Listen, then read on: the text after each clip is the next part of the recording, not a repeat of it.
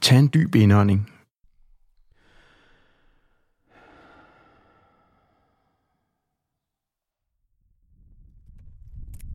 Nu skal du nemlig møde en person, der kan få dig helt ned på jorden.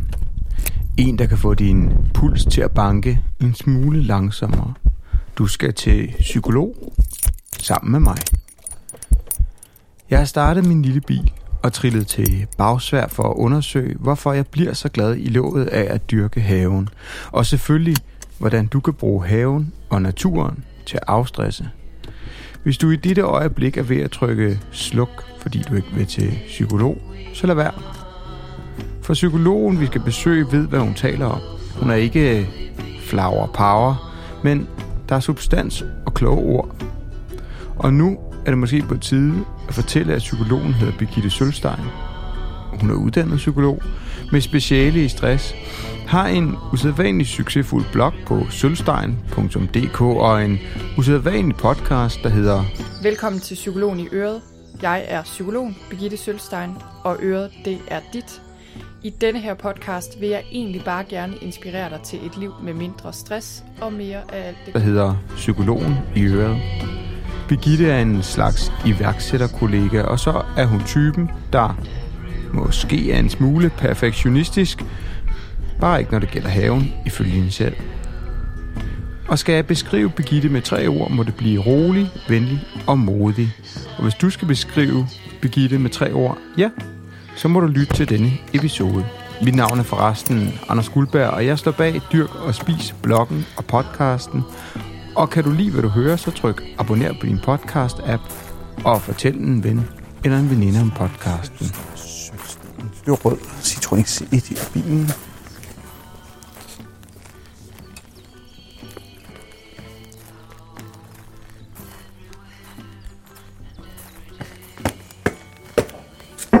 Halløjsa. Halløj. Goddag, godt at se dig. I lige måde. Kom ind. Tak. Jeg tog været indegave med. Jobber og rabarber. Det er fordi... når jeg først kom... Ja, ja, og når jeg først kommer til at lave, så kommer jeg til at lave for meget. Det?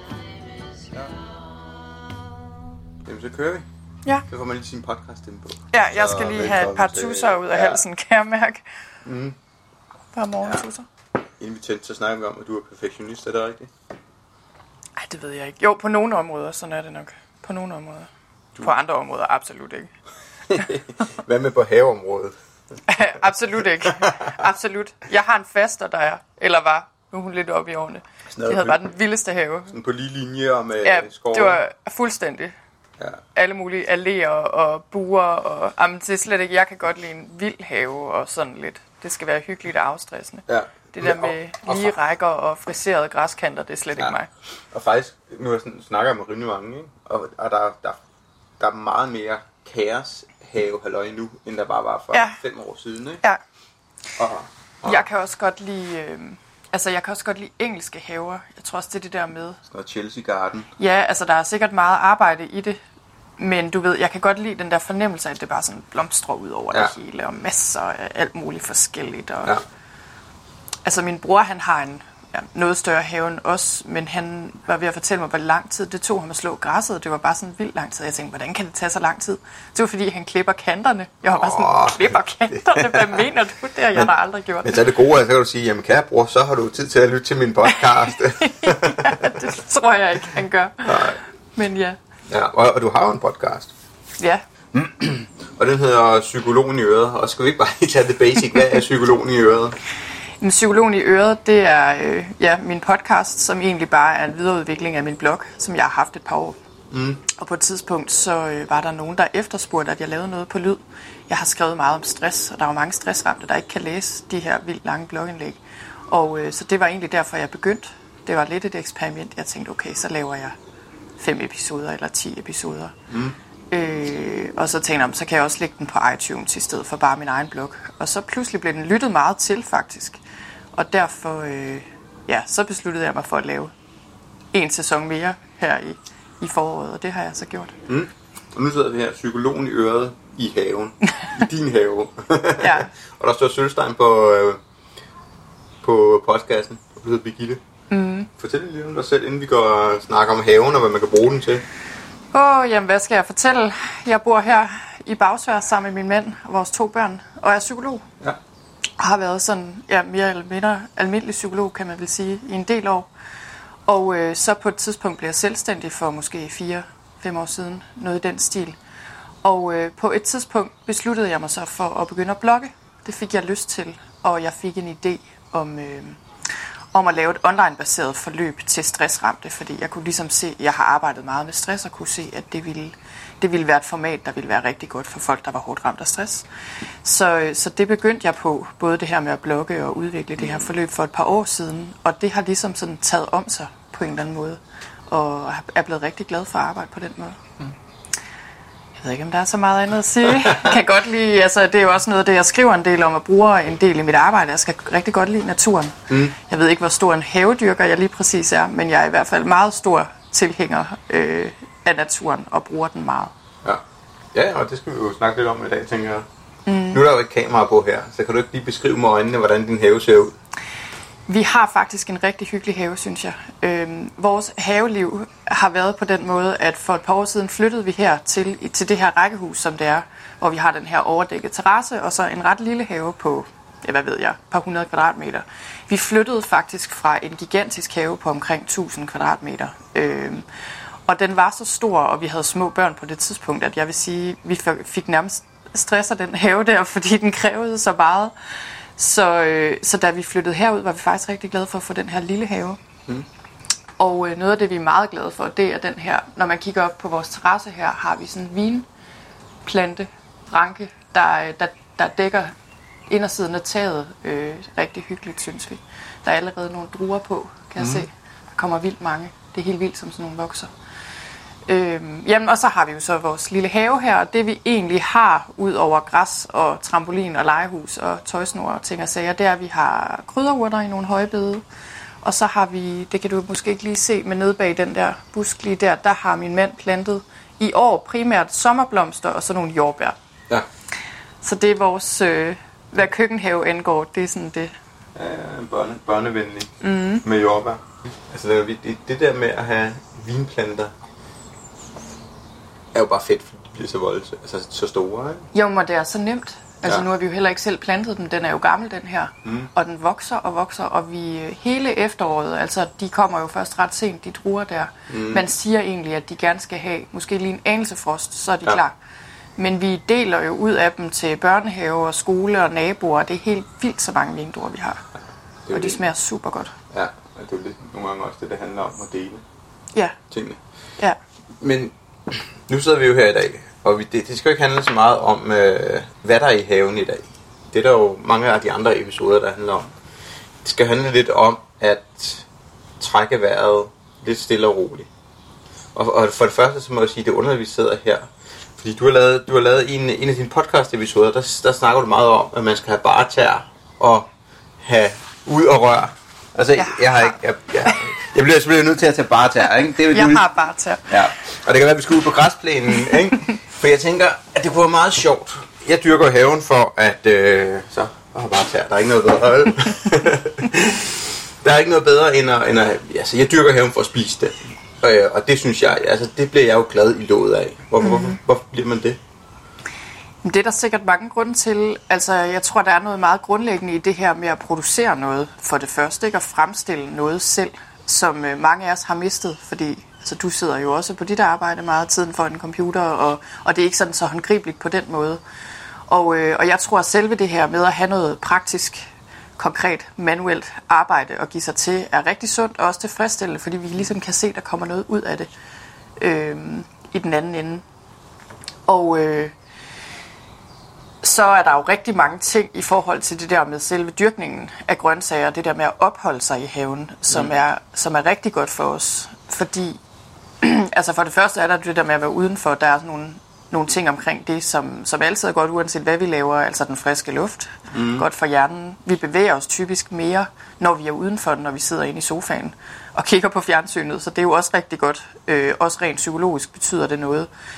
Øh, og så i det hele taget, altså noget af det, jeg også godt kan lide ved at være udenfor, det er jo det her med sanserne. Altså det vækker sanserne meget, når vi, når vi er udenfor og har med jord og vand og og ting og naturen at gøre. Øh, der er mange farver udenfor os, og det, øh, det er rigtig godt, fordi det har en direkte effekt på vores nervesystem. Men det gør os også mere nærværende. Jeg ved ikke, hvordan du oplever det, men det der med, at, at så er man i gang med det, man er i gang med, øh, og så får tankerne og sindet hvile på en helt anden måde.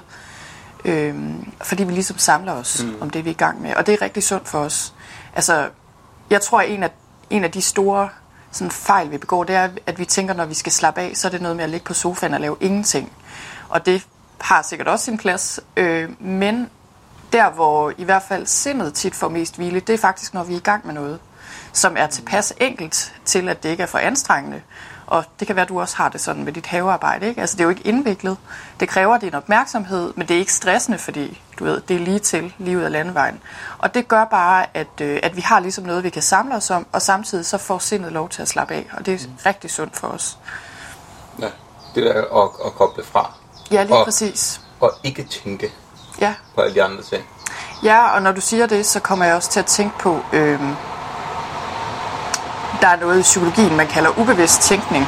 Og noget af det, det har du måske også oplevet, der sker med os, når vi laver noget praktisk manuelt et eller andet, så, øh, eller bare går en tur måske, så er det, at sindet arbejder alligevel ubevidst. Så når vi skal løse et problem, eller du ved, skabe et eller andet, så er det faktisk rigtig godt at give sig til noget praktisk på den måde, og så kommer løsningen tit af sig selv. Mm. Det er også derfor, man tit kan stå, hvad ved jeg, i badet, og lige pludselig slår det en, hvad det er, man skal gøre, ikke? Eller i haven, måske, ikke? Ja. Øh, og det tænker jeg også er sådan en rigtig god ting at huske det der med. Vi har altså brug for nogle mentale pauser, hvor vi laver noget, noget praktisk. Mm. Hvordan kan man så... En ting er jo... Dit område er jo stress, og mm. hvad der der I kan høre. Og det er jo en ting, det er jo, at hvis man ikke løber rundt og er stresset, og går ud i haven og bliver glad i og kobler fra sådan stresslight. Mm. Men hvad hvis man har, er ramt af mm. stress. Altså hvis man hvordan, er hårdt hvordan kan man bruge sin, sin have og naturen? Ja, altså øh, som jeg lige sagde før, så har jeg mm. i hvert fald også selv mærket havestress på egen krop. Mm. Så det jeg tænker, det er, øh, at det skal jo gradueres, fordi det kan godt være, at, øh, og det gør man også i terapihaver, altså der findes jo sådan deciderede terapihaver. Vi har også et par stykker herhjemme. Københavns Universitet har en, der hedder Nakadia. Jeg tror, den ligger i Odsherred og øh, terapihaver er tit indrettet på den måde, at de har sådan lidt forskellige afdelinger, hvor de går fra at være meget vilde og ukultiverede, du ved, hvor man ikke rigtig skal gøre noget særligt, og så til at blive mere og mere kultiveret, du ved, mm. hvor det måske, hvor tingene står i rækker, og der skal luges og planlægges og plantes og vandes og alt det her, ikke? Og det, øh, det tænker jeg, at, at det er jo også den måde, man skal overveje, hvordan man så vil bruge sin have på. Hvis man er hårdt ramt af stress, så er det ikke sikkert, at man skal lægge den helt store køkkenhave og have ambitioner om alt muligt. Måske skal man bare opholde sig i den og tage det ukrudt, man lige mm. får øje på. Eller måske endda lade det stå. Hvad ja. ved jeg. Øhm, ja. Hvordan, hvordan bruger I haven herhjemme? Altså, vi kan godt lide en have, der er nem mm. og alligevel lidt hyggelig, ikke? hvor der er sådan mm. lidt små projekter, men som ikke bliver for overvældende. Og det er måske, fordi vi har haft den der meget store have. Jeg vil faktisk sige, at øh, allerede i år er min mand begyndt at snakke om, ah, når vi, vi får måske et større hus og have på et tidspunkt, ikke, så skal vi også have en større køkkenhave. Altså nu begynder det at krible lidt. Men, men ellers så synes jeg, at vi slapper mest af i haven. Mm. Øh, meget stor forskel fra før, hvor vi faktisk arbejdede enormt meget i haven. Vi slapper meget af i haven. Børnene bruger haven hver dag. Som jeg lige sagde til dig, mine børn sidder herude og spiser morgenmad under den her overdækkede terrasse. Mm. De hopper på trampolinen, leger i lejerhuset, sandkassen. Øhm, vi har også, øh, nu er det ikke slået op lige nu, men vi har haft telt slået op i haven, sover der. Og øh, jamen, jeg synes egentlig at vi bruger den til at slappe af i og lege i. Altså. Ja sidder og ser græsset gro, mens ungerne på trampolin. ja.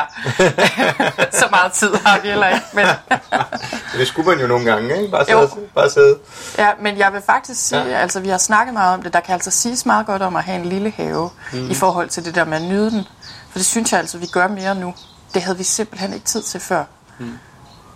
Og det er måske faktisk også en rigtig, rigtig god pointe, fordi inden for man kan sige, havedyrkning, der handler det jo ofte om, især hvis man følger med på, på Facebook og andre steder, hvor jeg også er meget aktiv, det er sådan, åh oh, nej, nu skal jeg huske at lægge kartofler, og mm. åh oh, nej, hvad skal jeg nu gøre her, ikke? Og, og nogle gange er vi jo bare heldigvis i naturens vold, og den passer sig selv, og selvom man først får lagt kartofler i slutningen af maj, så skal det nok gå. Mm. Selvom vi er, man kan sige, øh, på den anden side af grundlovsdag, så kan man stadig nå at så det ene og det andet eller det tredje, og det skal nok nå at komme, ikke? Ja. Øh, så, og, og, og, og det er jo nok det, der nogle gange er desværre ved at have en have, som du selv er inde på. Ja. Det er, at man stresser sgu over det, Ja. i stedet for at, at nyde den, ikke? Jamen jeg tror, øh, altså jeg kan godt mærke, at jeg får jo sådan lidt havestress, når jeg er på besøg hos min bror for eksempel, og kigger på hans have og tænker, hold da op, du ved, græsset står bare snorlige og er grønt mm. over det hele, og det er rigtig pænt, ikke? Og jeg vil da også gerne have en pæn have. Men for mig er det bare endnu vigtigere at slappe af. Øhm, så det er måske også det der med at stille sig selv spørgsmålet, okay, hvorfor er det, jeg har den her have? Altså, hvad er det allervigtigste? Mm. Og, og så gå efter det, i stedet for. For det kan jo godt være, for naboen er det bare, giver det mening, øhm, og er afslappende måske, at gå og, og passe tingene mm. ud i alle detaljer. og- Men ja. måske for dig er det bare ikke. Måske vil du hellere bare sidde i haven og læse en bog, Ja. og kigge lidt på roserne. Ja.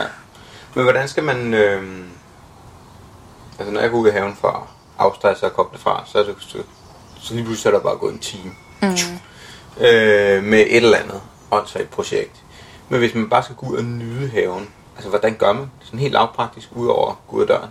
Ja, altså som du lige sagde, det der med barter er noget, jeg rigtig godt kan lide.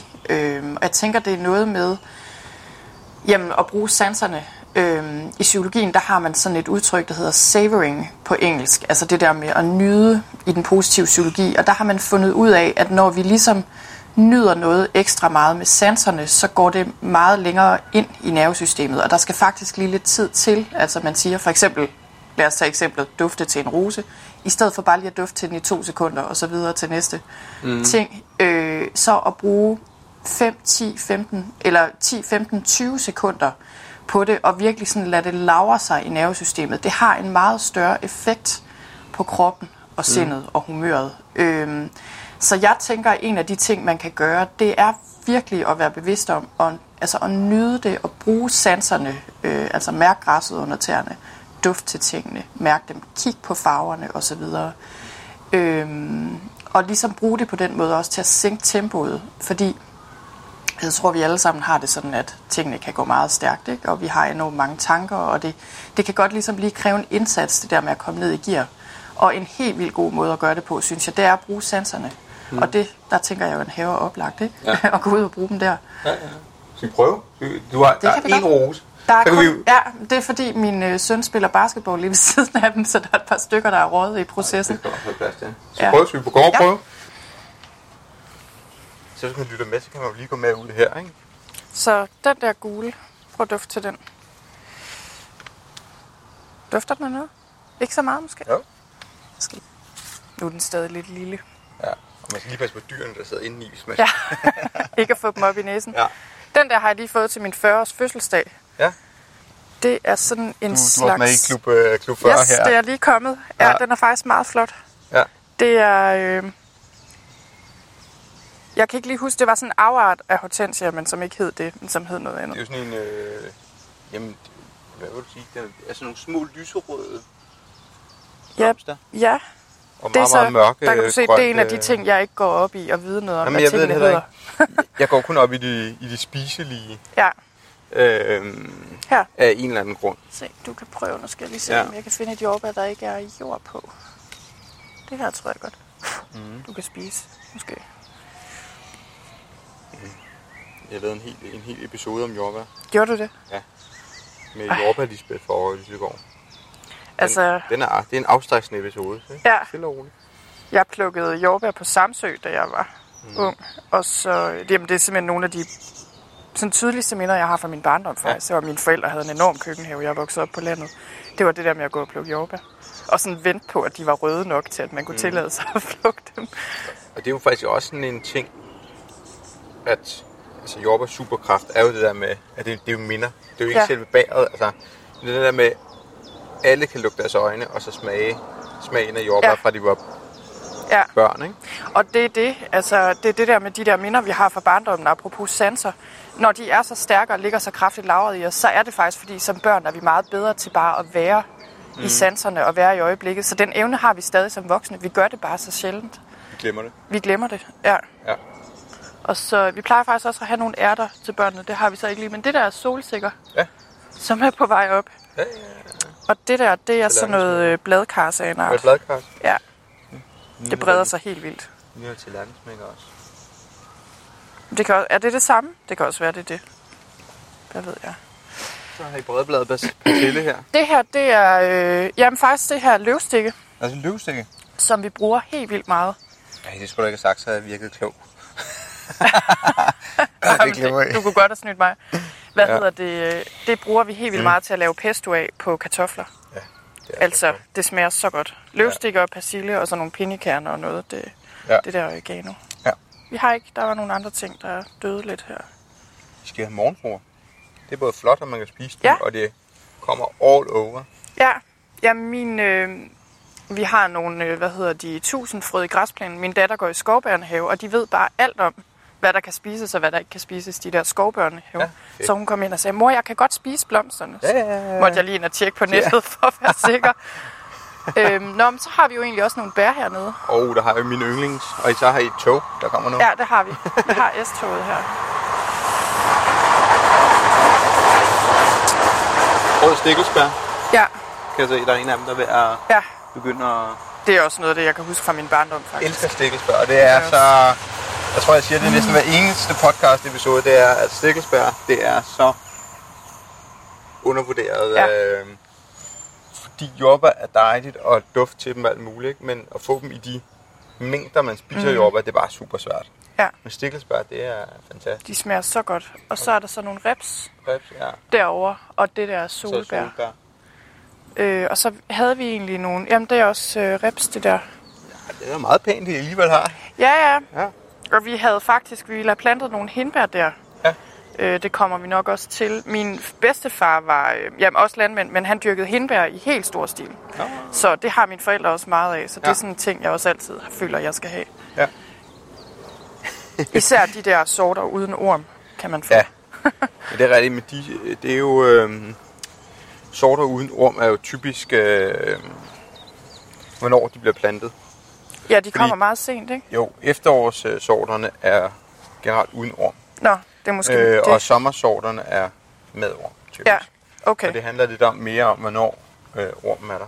Ja. Og det er jo meget dejligt at løbe rundt her på Bartær. Det er ikke så tit, man laver podcast-interview på Nej, vel? Bartær. Nej, Hvad hedder det? Ja, min, far, min bedstefar der, han var også han var kartoffelbunden faktisk. Og øh, det er noget andet. Min far dyrker kartofler og har øh, altid meget tidlige kartofler, fordi han slæber dem ud og ind af laden, du ved, i spande og spiger Ja. og gør ved. Og det er mm. noget af det, vi faktisk har snakket om, vi rigtig gerne vil have, fordi nye kartofler, det er simpelthen bare så godt ja. og sundt. Og man kan spise det hele tiden. Ja, men altså. Altså, Ja, når det kommer. Ja. Og det er jo også noget, man kan have i forholdsvis lille skala. Ja. Så vi kører sådan noget spande, eller sætter det i sådan nogle højbede, ja. Så er det sådan rimelig til. Altså, da jeg var lille, der havde mine forældre kartofler, så vi ligesom kunne tage ind, og så havde vi faktisk til næsten til hele vinteren, Ja. ja. sådan som jeg husker det. Ja. Ja. Og min far har stadig en af mine oldemors sorter, så det er lidt det, vi går og tænker. Nu skal ja. vi have gang i den der røde kartoffel. Ja. Ja. Jamen, jeg tror, altså, jeg kommer lige til at sidde og tænke på det der med, hvor man er fra. Nu er jeg jo vokset op på landet i Thy, ikke? Ja. Og jeg kan godt mærke, og det kan jeg især mærke nu, hvor jeg nu er jeg jo også blevet 40, ikke? Så nu Ja. ja. er jeg på vej derop af, at øh, det er virkelig noget, jeg har i mig. Det der med jamen, både have, men også marker og ting, der gror, og det ligger meget dybt i mig. Ja. Og, øh, men, det, men det tror jeg, det gør i alle i virkeligheden, ikke? Er det ikke også din erfaring, eller hvad? Nu hvor du kommer rundt jeg, jeg kommer også fra haven. Jeg kan jo selv, jeg kan også huske, at vi havde den der køkkenhave derhjemme. Og sådan noget. Men det sjove er, at min lillebror overhovedet går op i det. Mm. Men det var, jeg havde haven derhjemme, ikke? så jeg tror også, det er meget, hvad man, er, hvad man opdrager sine børn til. Ja. Altså gå ud og spise af haven, og ud og bruge den. Ikke? Ja. Jeg tror rigtig meget, øh, eller det, det er bare sådan erfaringsbaseret. Ikke? Jeg tænker, mm. at det, det, så, så, ligger, så kommer det til at ligge dybt i en. Ja, Så jeg ved faktisk ikke, om alle har det. Hvis du er opdraget inde i byen, så kan du godt have en trang til det. Men det er jo ikke helt sikkert, at man, man nyder det på samme måde. nej. I don't know. Nej, jeg tror bare, at øh, altså, hvordan man lige har lyst til at dyrke en køkkenhave eller ej, altså det der med naturen i hvert fald, er jo noget, der ligger meget dybt i os, mm. ikke? Altså fordi vi ligesom er de ja. sidste mange hundrede tusind år, er vi jo, altså har vi jo boet i naturen, det er meget for nylig, vi er rykket ind i husene. Øhm, og det er også derfor, det har så gavnlig en virkning på os. Ja. Jamen, det er, det er cool. Ja, men det var hyggeligt, du kom forbi Ja, og tak fordi kiggede på min have. Ja, Selv tak. super. Så skal vi uh, spise vores te-virke, og uh, alt, alt det her. Sidder jeg lige og holder den her. Tak for din opmærksomhed. Jeg kan næsten ikke bede dig mere, men våger alligevel. Har du en iPhone, kan du anmelde Dyrk og Spis i Apple Podcast-appen. Det gør du ved at søge på Dyrk, vælge podcasten og scrolle ned i bunden, hvor du kan skrive en anmeldelse. Hvis du laver en anmeldelse, kvitterer jeg med en lille pose frø, du kan plante i haven. Din adresse kan du sende til mig på facebook.com dyrk og spis. Links til Dyrk og Spis og Begittes blog og podcast kan du også finde i episodebeskrivelsen af denne podcast. Kan du have en fantastisk god dag, indtil vi lyttes ved i næste uge.